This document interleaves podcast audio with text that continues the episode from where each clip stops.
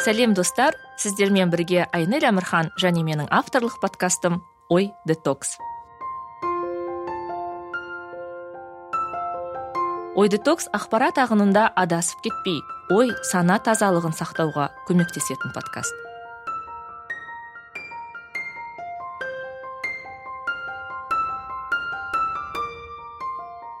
Жаңа жыл біз ойлағандай басталмады. Екінші қаңтарда жаңаөзен халқы сұйытылған газ бағасының екі есе қымбаттауына байланысты наразылығын білдіріп көшеге шықты. Араға бір күн салып жаңа өзен халқын қолдап өзге қала тұрғындары да митингке шыға бастады.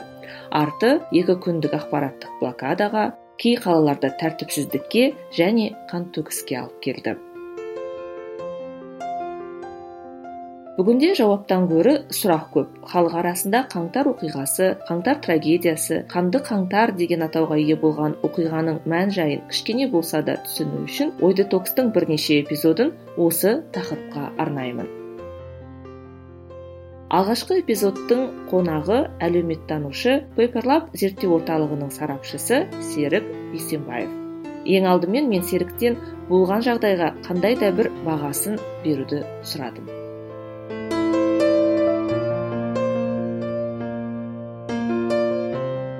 Оқиғаның біз әлі күнге дейін қандай сипатта болғанын оған нақты қандай баға беру керек екендігі жөнінде айтуға мүмкіндігі жоқ. Ә, себебі тым аз уақыт өтті. Қарама қайшы ақпарат өте көп. Ә, оның ішінде біреу білмей жазады біреу манипуляция жасайды биліктің пропагандасы бар сыртқы сарапшы басқа елдің сарапшылары өзінің призмасы арқылы да пішіп өзіндік оптикамен қарап бұдан бетер бұл оқиға жөніндегі түсінікті түсініксіз ете түседі. Сондықтан да мен енді нақты бір сондай болды деп әлі күнге дейін бір эксперттік баға беруге дайын емеспін. Бірақ та осы оқиғаға қатысқан адамдар бар онлайнда шыққан видеолар бар. Соларға қарап отырып және де бұған дейінгі біздің қоғамымызда еліміздегі бар трендтерді ескере отырып қазіргі екі негізгі сюжет бар. Ол бірінші сюжет ол бейбіт митингілердің провокацияға белгілі бір топтардың араласуы арқылы погромға айналып кейін мародерство бар. Сонымен аяқталу деген бір сюжет бар. Екінші сюжет ол негізінен мемлекеттің билігі ұсынған бұл митингілер арнайы жоспарланған. Белгілі бір қылмыстық топтардың болмаса биліктің ішіндегі бір топтардың мемлекетке жасаған қастандығы деген секілді. Сондай енді екі негізгі сюжеттің арасында бір тала, талас жүріп жатыр. Менің енді әлеуметтанушы ретіндегі бірінші мемлекеттің айтқан версиясын тыңдаған кезде бірден бір қарсылық туындады. Себебі менің көңілімнен шыққан жоқ. Әсіресе тоқаевтың жиырма мың террористер туралы айтқандығы одан кейін шетелдік адамдар араласты деп қырғыздық музыкантты бүкіл арналар арқылы міне осы кісілерге ақша төледі деп көрсетуі кейін оның фейк болып шыққандығы иә. Сосын бірден оған мемлекеттік деңгейде терроризм және террористтер деп баға беруі сарапшы ретінде бұл менің көңілімнен шыққан жоқ. Неліктен себебі ә, терроризм дегеннің енді бір қабылданған анықтамасы болмаса да оның белгілі бір ерекшеліктері болу керек. Ең алдымен терроризм ол ұйымдасқан және белгілі бір мақсатпен жасалатын нәрсе. Оның артында нақты бір күштер тұру керек болмаса бір мықты идеология тұру керек. Сол өзінің идеологиясын болмаса сол топтың мүддесін билікке жеткізу үшін террористік топтар жарылғыш заттарды пайдаланып болмаса біреуді өлтіру арқылы өзінің талабын мейлінше жар салады. Бірақ бұл біз оқиғада бұны көрген жоқпыз. Ешкім біз ұйым ретінде ұйымдастырдық осыны жасаған біз деп ешкім өзіне жауапкершілік алған жоқ. Сондықтан да осы уақытқа дейін бірде бір террористтің біз атын білмейміз. Ал оның орнына біз бірден күштік құрылымдардың осы митингілерді біте салып күш қолданғанын талай адамдардың репрессияға ұшырағандығы жөнінде бейбіт адамдардың тіпті қатысы жоқ адамдардың өліп жатқанын көріп жатырмыз. Сондықтан да билік ұсынған анықтаманы бағаны мен скептикалық түрде қарап бұған терроризм деп атау үшін оған заңдық негіздеме керек екендігі жөнінде айтқан болатынбыз өзіміздің сұхбатымызда. Сондықтан бұл жерде менің ойымша бізде орын алған нәрсе бұл халықтың наразылығы нәтижесінде қазақстанның батысында басталып кейін бүкіл елге тараған әлеуметтік қарсылық акциялары болды. Кейін ол қарсылық акциялары әртүрлі себептермен оның ішінде мүмкін қылмыстық топтардың ба болмаса басқа да біз білмейтін ұйымдасқан топтардың ба араласуы арқылы кейбір қалаларда тәртіпсіздікке мародерствоға алып келді. Провокаторлар болмаса ұйымдасқан топтар кім деген сұраққа әлі жауап жоқ.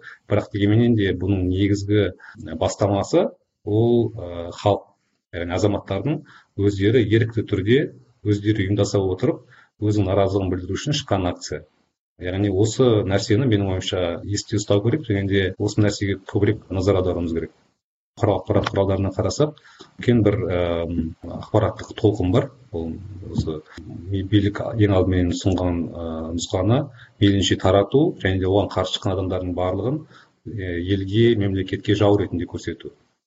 Егер де билік шынымен де бұл оқиғаға жан жақты шынайы баға бергісі келсе онда ол мейлінше ашық болу керек еді. Және де өзінің риторикасында қорқыту үркіту емес. Керісінше адамдарды жан жақты жаңағы тәуелсіз сарапшыларды журналистерді керісінше бізге бізбен бірге жұмыс істеңіздер келіңіздер бірге отырып осының жаңағы басы бас аяғын анықтайық. Шынымен не жағдай осыған алып келген не жағдай шынымен не болды осы күндері деп сондай мейлінше бір ашық позицияны ұстану керек еді. Бірақ бұның ешқайсысы да жоқ. Тоқаев ең алғашқы күннен бастап керісінше азаматтық қоғамменен журналистерді айыптап сөйледі. Осы жағдайға алып келген осы кісілердің жауапсыздығы деген сияқты секілді бір өте ауыр сөздер айтты. Сондықтан да бұл жерде жаңағы авторитарлық биліктің дәстүрлі түрде жасайтын әрекетін көріп отырмыз. Әрине тоқаевтан ондай сөз ешкім күткен жоқ. Бірақ та бізде қалыптасқан жүйеде бұған дейінгі орын алған оқиғаларды ескерсек онда биліктің дәл осындай әрекетке баратындығы негізгі анық еді. Ә, себебі бұл авторитарлы билік басқаша жұмыс істей алмайды басқаша сөйлесе алмайды. Коммуникацияның тек қана бір ақ түрін мойындайды ол ә, жоғарыдан бір өктемдікпенен сөйлеу. Біздікі дұрыс қалғандарыңыздың барлығы ә, білмейсіздер. Және де егер қарсы нәрсе айтсаңыздар сіздер жаусыздар деген риторика. Биліктің бір түсінбейтін нәрсесі дәл осы риторика кезінде жаңаөзен кезінде орын алған болатын. Және де жаңаөзен оқиғасы он жыл өтті әлі күнге дейін бітпейтін жара болып тұр. Қаңтар оқиғасы жаңаөзеннен он есе жүз есе жаңағы деңгейде өтті. Ә, билік дәл сондай риториканы пайдаланып енді бұны да солай жауып қойғысы келеді. Бірақ өкінішке орай бұл жаңағы тупиковый путь дейді ғой яғни ешқандай нәтиже бермейтін қоғамды мемлекетті бір позитивті бағытта жылжуға мүмкіндік бермейтін шектеу қоятын соған бір ұстаным. Мысалы мен башкенованың ыыы гүлнар башкенова орда kz интернет басылымының бас редакторы. Арманжан байтасовқа вадим барикаға берген сұхбаттарын қарадым. Ол кісінің пікірі президентке жалған ақпарат берді. Оның өзін алдады қасындағы адамдар. Сондықтан ол осындай әрекетке баруға мәжбүр болды деп жатыр. Ә, сен осы теорияға сенесің бе? Және ондай жағдай болғанның өзінде неге мен қателестім кешіріңіздер маған осындай ақпарат берді деп ол кісілер шыға алмайды? Менің ойымша ә, президентке жалған ақпарат берген күннің өзінде де президент ретінде оның альтернативті ақпарат көздері болу керек. Тоқаев э, басқа ақпарат ала алмай оған жалған ақпарат берді деген э, версияны қабылдасақ та осы жағдайды туындауына алып келген ол осы жүйе. Яғни басқа тәуелсіз ақпарат көздерінің болмауы барлық жаңағы нені билікті сол күшті құрылымдарға беріп қойып солардың атынан солардың сөзін сөйлеу бұл біздікі секілді супер орталықтандырылған суперпрезиденттік мемлекеттер мемлекеттің басшысы үшін бір еске миға сыймайтын нәрсе. Сондықтан да ә, менің ойымша президент жақсы оның айналасындағылар ғана сондай дұрыс емес жұмыс істей алмайды білмейді деген сияқты бір не бар ғой дискурс бар бұрыннан бері иә царь хороший бояре плохие деген сияқты. Бұл дискурсты қайтадан менің ойымша таратудың керегі жоқ. Егер де шыныменен де ә, біз ә, өркениетті мемлекет құрамыз десек онда әр адамның жеке жауапкершілігін анықтауымыз керек. Яғни бұндағы президенттің жауапкершілігі ақпаратты саралай отырып ә, мейлінше жаңағы әділетті мейлінше қажетті шешім шығару. Ә, сол себепті ә, бұл жерде менің ойымша біріншіден сол елдегі қалыптасқан жүйе мұндағы құқық күштік құрылымдардың монополиясы орнауын сөз алға тартуымыз керек. Екіншіден біздегі мынау президентті бір сакрализациялап бір жаңағы нәрсенің культ жасамай оны жай ғана қарапайым шенеунік және де ол жауап өз сөзіне жауап беретін шенеунік ретінде қабылдап үйренуіміз керек сияқты. Мысалы серік қарап отырсаң біз өзімізді артымыздан еріп келе жатқан жастарды маман ретінде де адам ретінде де өз қатеңді мойындауға кешірім сұрай білуге үйретеміз иә?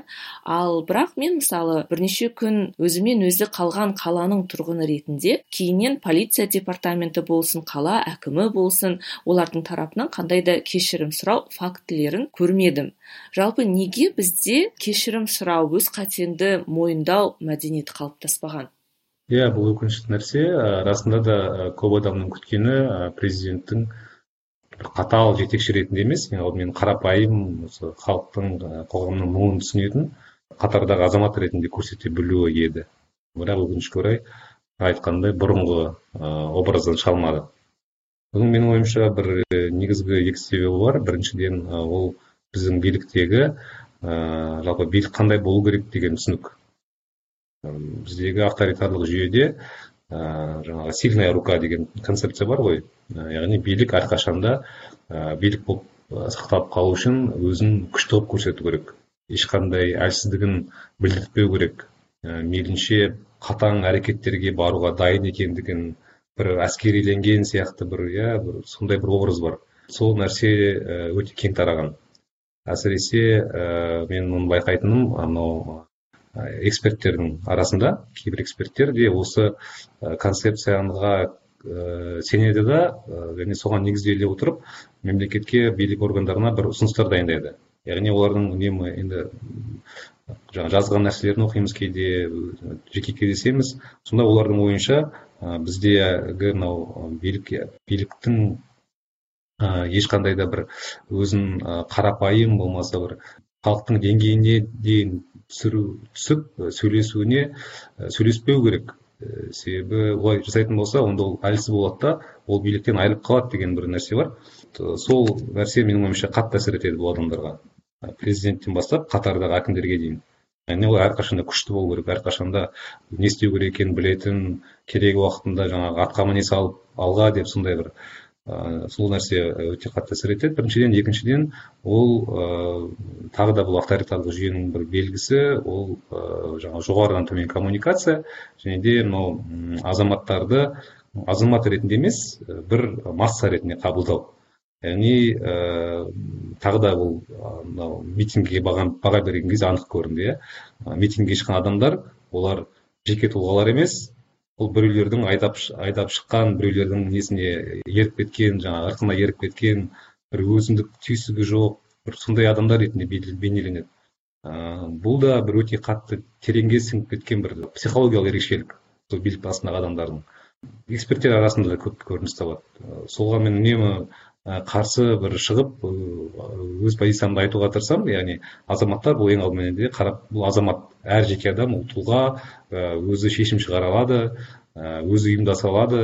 Және де біздің қоғам әсіресе соңғы он он бес жылдың ішінде бұл нәрсеге үйреніп келе жатыр. Өзара бірігіп бір ұйымдасқан бір іс әрекеттер жасау. Ол түрлі жағдайда көрініс тапты иә. Анау арыс арыс жарыс кезінде кезіндегі шымкентте жаңағы су тасқыны кезінде оңтүстік қазақстан облысындағы адамдар бірігіп жаңағы түрлі түрлі қарап қайырымдылық акцияларын өткізеді. Сондықтан да біздің қоғам ол өзгерген қоғам.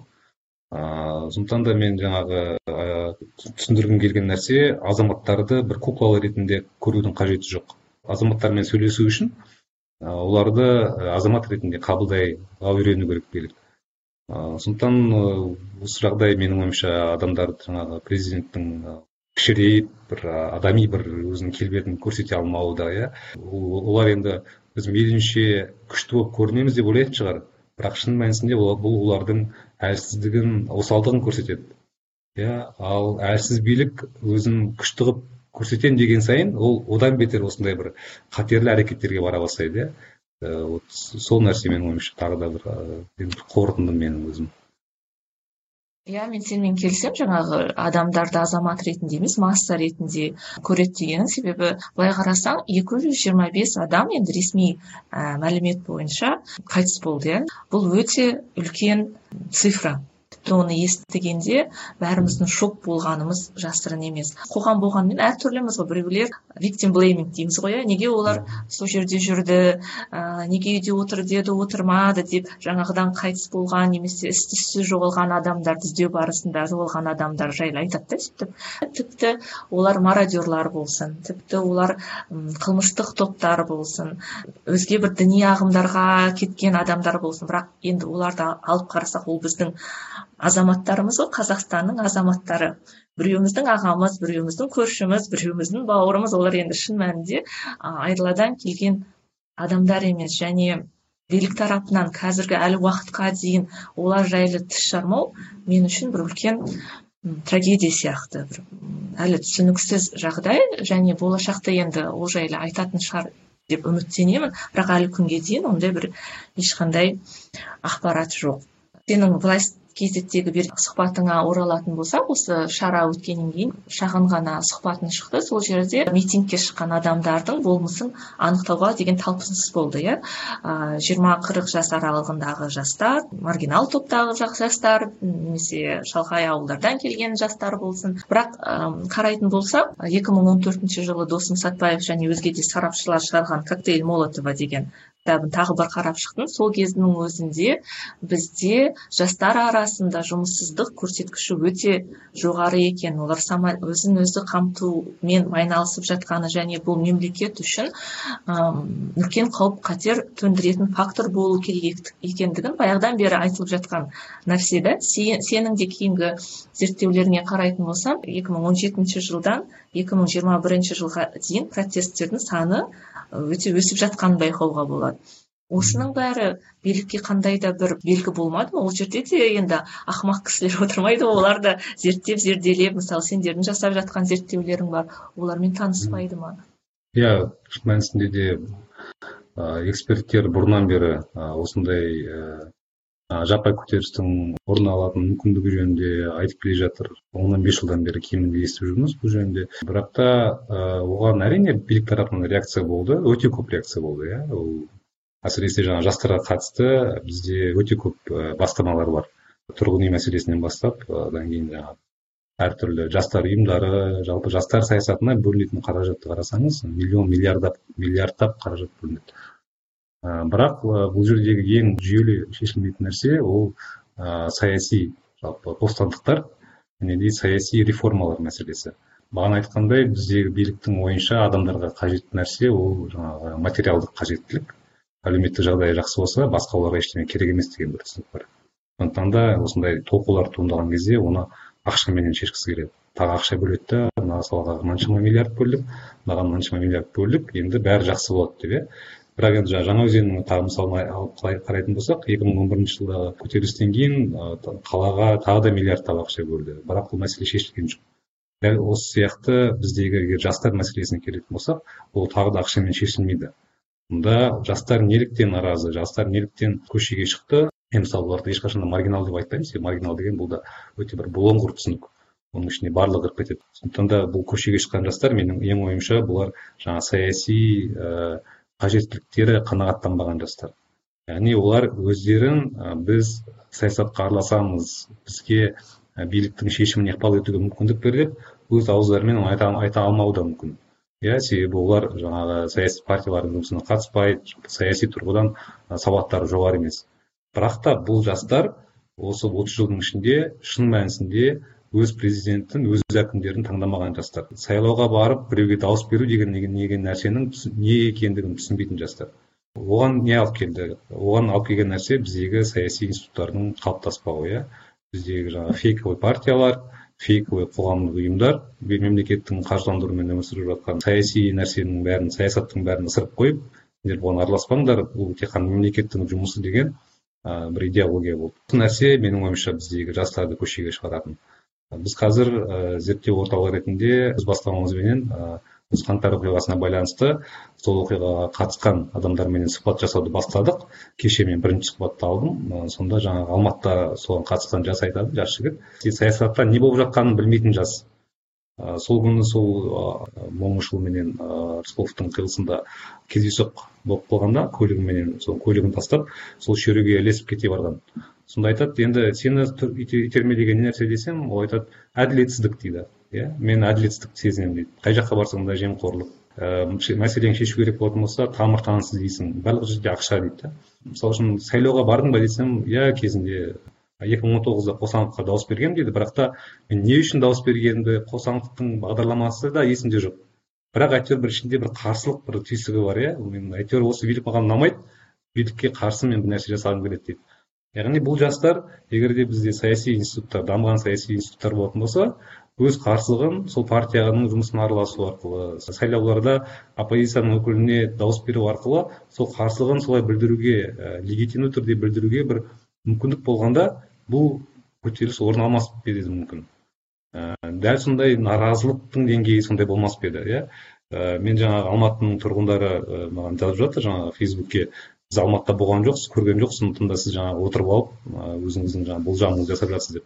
Ал енді бұл жастар енді олар айдан түскен жоқ қой енді иә. Олар деген дәл сол жағдайға жеткізген осы елдегі қалыптасқан саяси экономикалық жағдай екендігін ескермейтін сияқты. Яғни осы контекст өте маңызды. Тоқаевтың сөзіне қарайтын болсақ ол тағы да сол қателікті жасап отыр. Саяси реформаларды тағы да ысырып қойды күзге дейін деп. Қандай реформа жасайтыны белгісіз. Бір саяси шешімдер де қабылданған жоқ иә. Сол екі үш адамды соттағаннан басқа. Алматының әкімі сол алматының әкімі болып қалып отыр. Сондықтан да бұл орайда бір үлкен қателігі осы саяси өзгерістің қажеттілігін көрмеу және одан қорқу биліктің. Бұл нәрсені кейінге сыра берген сайын онда наразылықтың деңгейі де арта беретіні осы сондықтан. Оптимистік менде бір не жоқ. Өкінішке орай иә сондықтан барлық саяси реформаларсыз менің ойымша ештеңке өзгермейді. Қазір енді қоғам екіге екіге емес енді бірнеше топқа бөлініп жатыр ғой. Соның бірі жаңағы оптимизммен қабылдады. Екінші бөлігі пессимистік үшінші бөлігі үн түнсіз не болар екен деп артын бағып отыр. Осы жерде тағы маған жаңа сен айтып ғой саяси өзгерістер қажет деп. Парламент иә немесе министрлер кабинеті отыз пайызға өзгергенімен сол отырған адамдар біз соңғы жылдары көріп жүрген бейнелер еш өзгермеді. Депутаттар тарапынан да мысалы үн түнсіз жаңадан шығып жатқан қаулыларды қайттан қабылдай бастауы. Басында назарбаев тұсындағы болған көнбіштік қазіргі кезде де бар сияқты. Ешкім ешқандай да сұрау жібермейді иә.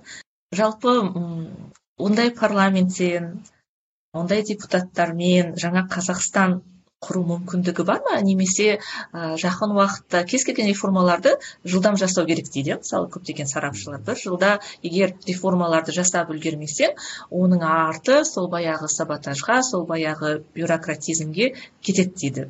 Сеніңше осы біздің министрлер палатасымен ә, мәжіліс сенат депутаттарымен жаңа қазақстан құру мүмкіндігі бар ма?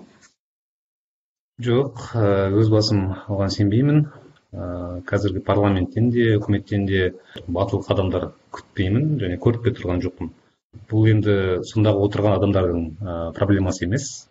Яғни бұнда бұған кінәлі сондағы адамдар емес. Жеке тұлғалар ретінде олардың әрқайсысы түсінеді жағдайды не істеу керек екенін де мүмкін білетін болар. Бірақ та олар жүйенің ішінде. Ал жүйе ә, жаңағы қалыптасқан жүйенің өзінің инерциясы бар. Бұл инерция бұрынғыны мейлінше қайталай беру. Бұл жүйені өзгертетін ол тек қана сырттан келетін ә, стимул иә сырттан бір төнетін қауіп. Сонда ғана жүйе оған әсер ә, реакция ретінде өзгере бастауы мүмкін. Ә, қаңтар оқиғасы өте үлкен стимул болды. Иә өте үлкен кризисті көрсетті. Оған жауап ретінде жүйе реакциясын біз көрдік. Бірақ та ә, митингілерді басып бастағаннан кейін митингілер тарқап кеткеннен кейін ә, қауіп ә, сейілген болып көрінді да билікке. Билік аса бір қатты бір қадамдарға бара қойған жоқ. Ә, сондықтан да менің ойымша бір бұл бұл жүйе өзіндігінен өзінің бастамасыменен де өзгермейді ешқашан. Ә, тіпті басқа адам келсін иә тоқаевтың орнына ол да өзгерте алмайды ештеңкені қазір өте тоқаевтың бірінші президенттің өткендегі сөзінен кейін бір кадрлық шешімдерден кейін тоқаевты бір жаңа жаңаша бір нәрсені бір бастап кететін адам ретінде көп қабылдап жатыр. Бірақ бұндағы қауіпті нәрсе одан тым көп нәрсе күту. Яғни одан қазір тым көп нәрсе күтіп қойып ол күткеніміз орындалмай қалса ол аяғы өкінішке көңіл қалуға кейін апатияға ұласады одан кейін агрессияға ұласады дәл осыған ұқсас жағдай екі мың он тоғызда болды. Бірінші президент кеткеннен кейін сайлау жаңағы болады деп жариялағаннан кейін қоғамда үлкен серпіліс болғанын білесің. Көп адамдар бөркін аспанға атып дей ма сондай бір қуанған қуанған сезімдерді біз көрдік. Бірақ ол екі жылдың ішінде үлкен нәрсенің ешқайсысы орындалған жоқ иә. Жүйе сол күйі қалып қойды. Және де осы екі мың жиырма бірінші жылғы жиырма екінші жылғы қаңтардағы оқиғаның тағы бір факторы менің ойымша сол екі мың он тоғызыншы жылғы орындалмай қалған армандар орындалмай қалған тілектер. Осы екі жылдың ішінде апатияға апатиядан жаңағы қарсылыққа агрессияға ұласты. Қаңтардан кейінгі тоқаевтың айтқан сөздері мен шешімдері тағы да бір осындай күтуді қоғамда тудырып отыр. Бірақ та егер осы екі үш айдың ішінде бір аса бір өзгеріс болмаса бұл тағы да қатты керісінше бір серпіліске алып келеді. Яғни бұндағы енді агрессияның деңгейі әлдеқайда көп болады менің ойымша.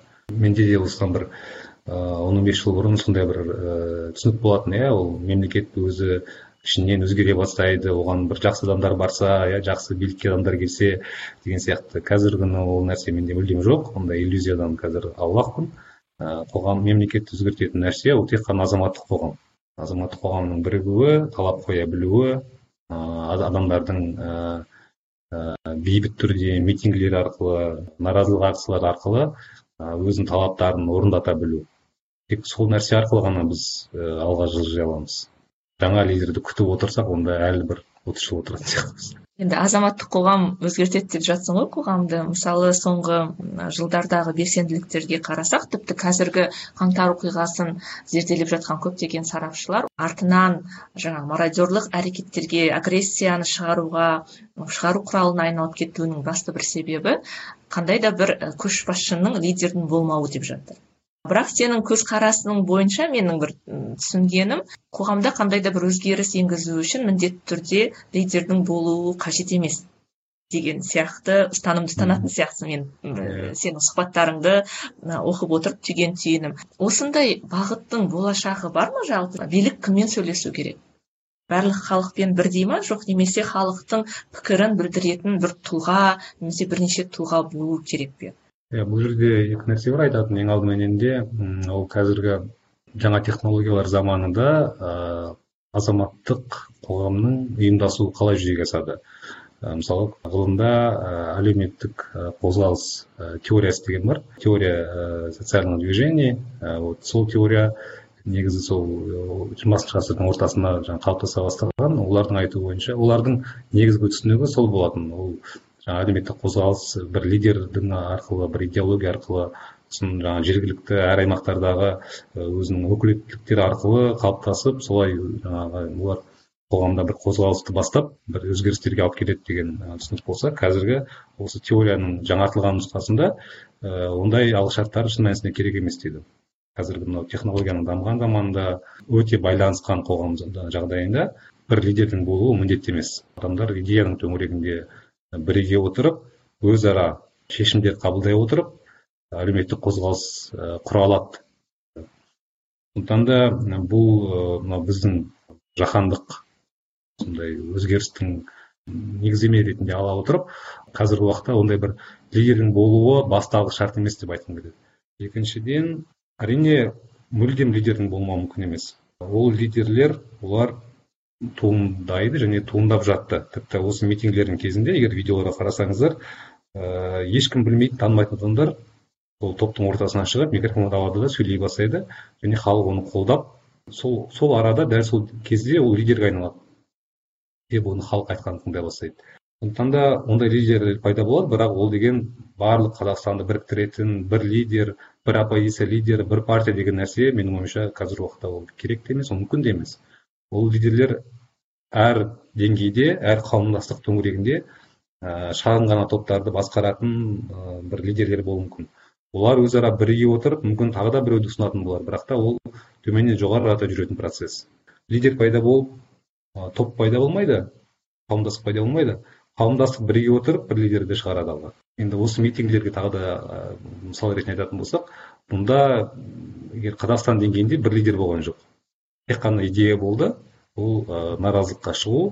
Біріншіде екіншіде жаңағы жаңаөзендегі адамдарды қолдау. Мысалы алматыда көтеріліске, шыққан адамдар жаңаөзендегі біреуді таниды деген менің күмәнім бар. Болмаса ақтауда біреуді таниды деген күмәнім бар. Ол қажет емес оларға иә. Ол яғни жаңаөзен ол бір символ ретінде әлеуметтік желі, арқылы тарады да бұл жаңаөзенді қолдаймыз деп адамдар шыға бастады иә. Дәл осы оқиға дәл осы процесс ол жалғаса береді. Митингке бір рет шыққан адам ол ешқашан да ондағы алған сезімін ұмыта алмайды өйткені ә, сол кездегі жаңағы бірігу сол кездегі басқа адамдарды көру арқылы адам үлкен эйфория алады шын мәнісінде. Митингке бір, бір рет барған адам біледі өзің де болған шығарсың талай рет. Ә, ол жердегі бір атмосфера бір ерекше. Мына видеоға қарап отырсаңыз онда ә, көп видеода жаңағы микрофон алып сөйлеп жатқан адамдарға адамдардың көзінде бір ерекше бір от жалын бар.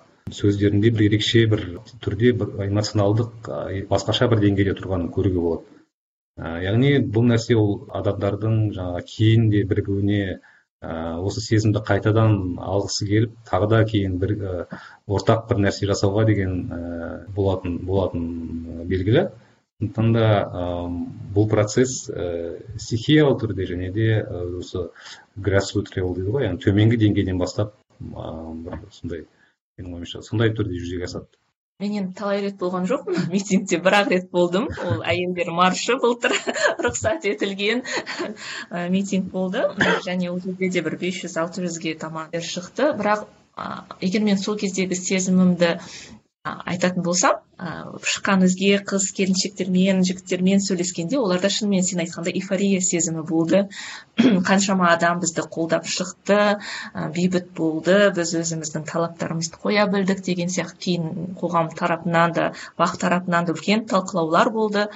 Бірақ мендегі сезім бар ғой бір арандатушылар шықпаса екен. Бұл жерде бар ғой мен адамдарға деген сенімсіздік емес мемлекетке деген сенімсіздік менде басым болды. Себебі ол арандатушыларды мемлекет әдейі жіберу билік мемлекет демей ақ қояйын билік әдейі жіберу мүмкін деген ой сол екі сағат бойы мені шынымды айтсам жібермеді. Бірақ ол жерде шын мәнінде жаңағы полиция өз қызметін атқарды жол бойы бізге марш жасауға мүмкіндік берді. Мысалы менде қалған сезімдер сол. Бірақ енді өкінішке орай қаңтардағы жағдайдан кейін бейбіт шеруге шығу бейбіт митингке шығу процесі баяулайтын сияқты менің өзімнің ішкі түйсігім сезімім бойынша. Сен қалай ойлайсың бізде осындай митингке шығу процесі жалғаса ма? Жоқ немесе жақын арада ол жайлы біз ұмытсақ болады ма? Мынандай бір не бар сөз бар? Жаңағы сағаттың тілін ешқашан да тоқтата алмайсың. Жүре береді иә қанша жерден қарсылық көрсетсең де. Оны белгілі бір уақытқа тоқтатып қоюға болады бірақ ол сол жоғалтқан уақытын кейін одан есе қайтарып алады сондықтан да жалпы азаматтық ұйымдасу азаматтық белсенділік бұл үлкен тренд. Біздің мемлекетте ғана емес әлемде жүріп жатқан тренд. Біздің мемлекет оны одан ары күшейтетін нәрсе ол отыз жылдың ішінде бізде саяси тұрғыдан өте артта қалып қойғанымыз. Бұл нәрсе бір адамдарды сол әріде қарай итермелей беретін бір үлкен фактор. Әрине мынау қаңтардағы ә, трагедиядан кейін адамдар өлімінен кейін көп азаматтар қорқатын болады. Ә, екі рет үш рет ойланып барып ә, көшеге шығатын болады. Бірақ бірақ менің ойымша бұл уақытша нәрсе. Бұл үрей деген нәрсе ә, себебі қаңтардағы қантөгіс ол ешқашан ұмытылмайды. Бұл сұраққа біз қайта қайта оралатын боламыз. Кім жауап береді? Неліктен адамдар бейбіт адамдар жазықсыз адамдар оққа ұшты? Оған кім жауап береді? Деп әсіресе егер билік тарапынан осындай репрессиялық әрекет күшейетін болса ол одан ары қарсылық тудыра беретін болады. Сол себепті менің ойымша бұл лекті бұл толқынды билік қазір тоқтату қауіп қарсыз иә барлық ақпарат қолжетімді және де адамдар шындықты жасыра алмайтын уақыт екенін ескерсек қазір иә ол шындық ерте ме кеш пе шығатын болады. Және де ол нәрсе ол әділетсіздіктің әділетсіздік сезімін одан ары күшейтеді адамдарда қоғамда. Тағы бір факторы ол әлеуметтік экономикалық жағдай елдегі ол жақсармайды иә ол мемлекеттің тағы да бюджетте қаражаты жоқ оны жақсартуға сондықтан да осы факторлардың факторлардың бәрін ескеретін болсақ алдағы уақытта бізде митингтер жалғаса беретін болады менің ойымша. Оның қандай сипатта болады ол конструктивті бола ма деструктивті бола ма ол көп жағдайда билікке байланысты.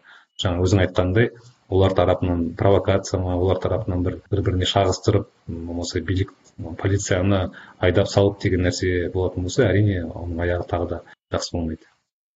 Адамның негізі психологиясы өте қызық нәрсе ғой. Мысалы қаңтардағы қантөгіс жаңағы сен айтқандай орын алды да ә, біздің мысалы жеке басыма келетін болсам ең басты ойым бәрі тезірек аяқталса екен. Кейіннен үлкен президентке деген сенім болды. Тоқаевтың айтқан сөзінен кейін бірінші сөзінен кейін емес әрине бір азаматтық қоғамға деген бір қауіп қатер сезіндім. Кейінгі риторикасында кішкене бір оптимизм пайда болғандай болды. Ә, кейін ақпараттарды оқып оқып шаршау. Бәрін оқымасам екен ұмытсам екен жаңағы позитивті тауға бару отбасыңмен туған туысқандарыңмен уақыт өткізу ақпаратты шектеу деген сияқты нәрселер болды да. Кейін енді қазір кішкене есеңгіреген есіңді жинап қайттан шын мәнінде жаңағы сен айтқан сұрақтарға жауапты тапқың келеді екен. Шын мәнінде не болды? Қаншама жастықсыз адамдар қайтыс болды. Оларға оқ атқан кім не үшін қалай? Ыыы сондықтан жаңа сен айтқандай жаңа өзендегі жағдай триггер болды ғой енді. Өйткені он жыл бұрын болған қанды оқиғадан кейін көптеген сұрақтарға жауап әлі де жоқ. Бірақ біздің солармен бірге солидарность дейді ғой иә? Жаңаөзен халқына деген қолдау ол қасіретті ұмытпағанымызды көрсету сияқты жаңағы бейбіт шеруге шыққандар шыққан адамдар болды деп мен өз басым алғашқы екі күні төрті бесі өз басым сенемін. Егер ә, сұхбатымызды аяқтайтын болсақ ә, жалпы сен енді кішкене пессимистік сарын басым екенін байқап тұрмын. Бірақ жақын арада қандай реформалар орын алады қандай позитивті өзгерістер бола ма болмай ма? Ә, жалпы сенің болжамың қандай? Жаңа қазақстан құрудағы алғашқы талпыныстарды көріп жатсың. Оның нәтижесі болады ма болмай ма? Аджимоглуның узкий коридор деген кітабын оқып жатырмын ол жерде қалай әр мемлекеттердің жаңағы тарихын зерттей отырып ол мемлекеттерде жаңағы қалайша даму жолына қалай түскендігін зерттейді да. Ол экономист қой негізі институционалды экономист. Сонда оның жаңағы негізгі идеясы белгілі бір уақытта мемлекетпенен азаматтық қоғам арасында қарсылықтардан кейін өзара текетірестен кейін белгілі бір баланс қалыптасады дейді. Яғни ол баланс қалыптасқан кезде ғана мемлекет дами бастайды. Бұл баланстың қалыптасуының ә, белгісі ол мемлекет деспотиядан қоғамға бағынышты күйге түседі. Яғни мемлекеттің барлық іс әрекеті азаматтық қоғам тарапынан бақылауда болады. Бір жағынан екінші жағынан мемлекет те қоғамдағы жаңағы қатып қалған қағидаттарды бұзуға оған бір өзгеріс енгізуге деген мүмкіндігі болады дейді. Яғни күшті мемлекет пен күшті азаматтық қоғам қалыптасқан кезде ғана алға жылжу орын алған деп сол тарихи деректерге сүйене отырып жаңағы кітабымды ашып шыққан ыыы сол маған соның негізгі сол идея маған өте қатты ұнады. Бірақ оның сол жаңағы тарихқа қарайтын болсақ бұл өте ұзақ процесс. Ыыы онда үлкен көптеген факторлар бар әсер ететін кездейсоқ факторлар бар әсер ететін. Сондықтан осы қаңтардағы ә, трагедиядан кейінгі бір не нәрсе енді позитивті нәрсе деп айту қиын бірақ та менің ойымша ә, бізге бір қадам болса да алға жылжуға мүмкіндік беретін нәрсе ол қоғамның қазір қандай күйде екенін түсінуі. Бізде бір отыз жыл бойы бір түс иә бір түс сияқты болып көрінеді иә. Бір өте бұлыңғыр осыған дейін желтоқсан айында жаңа зерттеу жасадық қазақстандықтар осы жылды қалай қабылдайды деген. Бір қалыптасқан бір түсінігі жоқ адамдарда не болғаны жөнінде. Әйтеуір бір біресе дамыдық біресе артқа кеттік деп бір, бір кеңістікте ііі ілініп қалған сияқты ма сондай бір не ары емес не бері емес бір кезеңге бір қалып, қалып қалған сияқты бір сондай бір түсінік бар адамдарда. Ә, сондықтан менің ойымша осы қаңтар оқиғасынан кейін бізде мынау рефлексиядан кейін осы жазықсыз адамдардың өлімінен кейін көп адамдарда сол өзінің азаматы ретіндегі осы мемлекет мемлекеттің жалпы қандай мемлекетте өмір сүріп жатқандығы жөнінде өзіне сұрақ қоя бастайды бұл өзгерістің бір алғы шарты менің ойымша. Мемлекетке бір критикалық түрде қарай білу оған сұрақ қоя білу мен қандай не істей аламын деген өзіне сұрақ қою бұл осы менің ойымша бір оң жағы. Жаңа айтқандай бұл ұзақ процесс сол ұзақ процестің мүмкін бастамасы шығар иә. Азаматтық қоғам ретінде бұл жерде мынау зерттеушілердің журналистердің рөлі өте үлкен. Ағарту арқылы адамдарменен жаңағы шындықты ашуға өз үлесін қосу арқылы біз көп нәрсе істей аламыз шын мәнісінде. Ә, мен өз басым соны түсіндім иә. Сол соны сол митингке шыққан көп адамдар да осыны түсінген сияқты. Біз ә, күш екенін ә, өзгерте алатындығыны жөнінде иә мемлекетке өз талабын қоя алатындығы жөнінде бір адамдарда бір сенім пайда болған сияқты. Ә, соны бір оң позитивті жағы деп айтуға болады меніңше рахмет серік. Алтындай уақытыңды бөлгеніңе. Егер мен сұрамаған бірақ айтқың келген қосып кеткің келген нәрселер болса ыыы айту керек деп ойлаймын. Жаңа солидарность туралы айттым ғой иә бұл өте маңызды нәрсе.